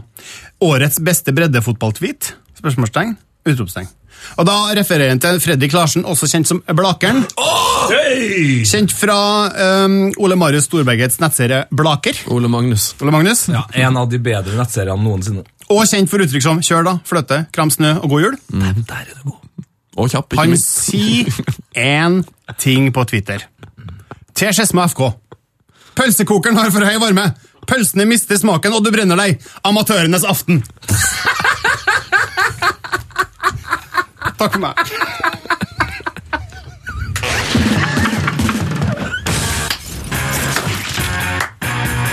Heia fotballs glory hall. Da er Hall, dette. Kan ikke du Yes. ta Jeg skal bare hente Glory Hall. Ja, ok. Lars, skal du gå, eller? Ja, egentlig, men jeg kan jo bistå deg i Ja, nei. Vi må være to for å gloryholle, for å si sånn. ja men uh, du har jo hørt på det programmet her eh, flere ganger. Ja. Så Ja. du, kan, du kan få, eh, på samme måte som han Andersen her, uh, din etternavnebror Så jeg får min A-kamp i gloryhallen? Til å introdusere den? Ja. Hva er Heia fotballs glory hall? Det er en, en planet der vi hyller de kuleste spillerne, fotballpersonlighetene, alt som har med fotball å gjøre i hele verden. Er det noe spesielt eh, det er viktig, er det noe spesielt med denne planeten her, og ikke minst eh, en, en veldig nære jorda? Noen vil si den er nære, noen vil si at det er en galakse langt unna. Langt unna. Langt unna. Men er det Men noe spesielt med den planeten den er laga av gull og grønt gress. Gull? Jeg har aldri hørt. Jo, jo, jo. jo. Den er i hvert fall langt utafor Melkeveien. Ja, ok. Det er greit. Veldig bra. Er er det noen spillere du vet om som er i hall? Uh, Vingelen skal jo dit snart, da, hører merker jeg. Men eh, nei, jeg lurer på En som heter Batistuta, eller? Det er helt riktig. Det er nok det beste du gjorde i denne introduksjonen av uh, Glory Synes jeg jeg var topp, synes, Veldig bra. som i breddefotballen, så synes jeg innsatsen din var upåklagelig. Takk. Er Battistuta der? Ja, det han sa jo da. Ja, men jeg er nødt til å spørre, det vet du jo! Ja, han du vet jo at jeg er nødt til å spørre. Ja. Du vet at jeg er nødt til å spørre. Uh, Ukas Glory Hall kommer fra Kevin Lesniak. Veldig bra navn. Kevin Lesniak. Til det navnet, da. Fantastisk. Fantastisk navn. Det har vi ikke rekka å snakke om! Nei, herregud. Dette er jo en Dette er jo haunted on the net. Mer om dette i en annen uh, her på podkast. Nå heimer vi så langt på overtid at du ikke tror det. Da går vi i gang. Fått en veldig fin glory hole fra Kevin. Er dere klare? Ja, Veldig klar. Kevin skriver. For meg er innholdet i deres glory hole preget av klasse, eleganse og stil. Derfor er det et mysterium at denne mannen enda ikke har entret deres stjernehimmel. En mann som kan legge en hvilken som helst gjenstand død på en hvilken som helst kroppsdel. En sprettball, en amerikansk fotball, en ballong og en vanlig fotball ligger bom stille etter én berøring fra denne mannen. Intouchable på sitt beste, søppel på sitt verste. Til gjengjeld er det ingen som kan få det å være søppel til å se så bra ut som dagens helt. Som Tottenham-supporter minnes jeg han som et beist, den spissen vi aldri klarte å erstatte. I hvert fall ikke når det kommer til eleganse. Den lange, tynne mannen med det svarte, halvlange, pistrete håret som tok ned ballen på kassa og banka den i nettaket hjemme mot Braga i Uefa-cupen. Bulgareren som dro av skåringer.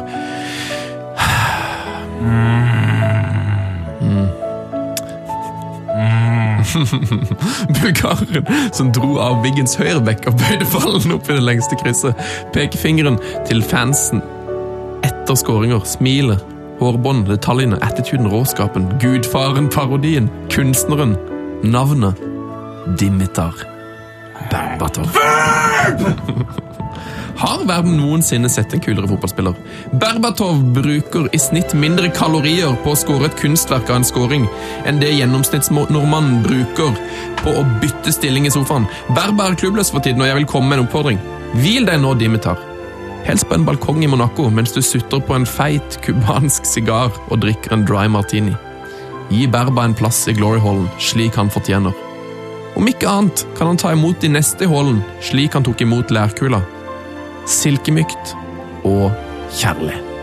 Vil deg nå, Dimitar? Det har du fortjent. Velkommen til Heia Fotballs Glory Hall. Berbatov. Ah, Berbatov. Ah, Dmitr Berbatov. Er det helt utrolig at ikke han Nei, er det der? er, en, det er ikke en skandale, for nå er han jo der. Eh, Det er jo plass til masse stjerner der. Eh, Det tar bare litt tid å ta dem inn. Niklas Bentner er der to ganger. Jeg ser ikke, for, jeg ser ikke bort ifra at Dimitar òg kanskje havner der en gang til.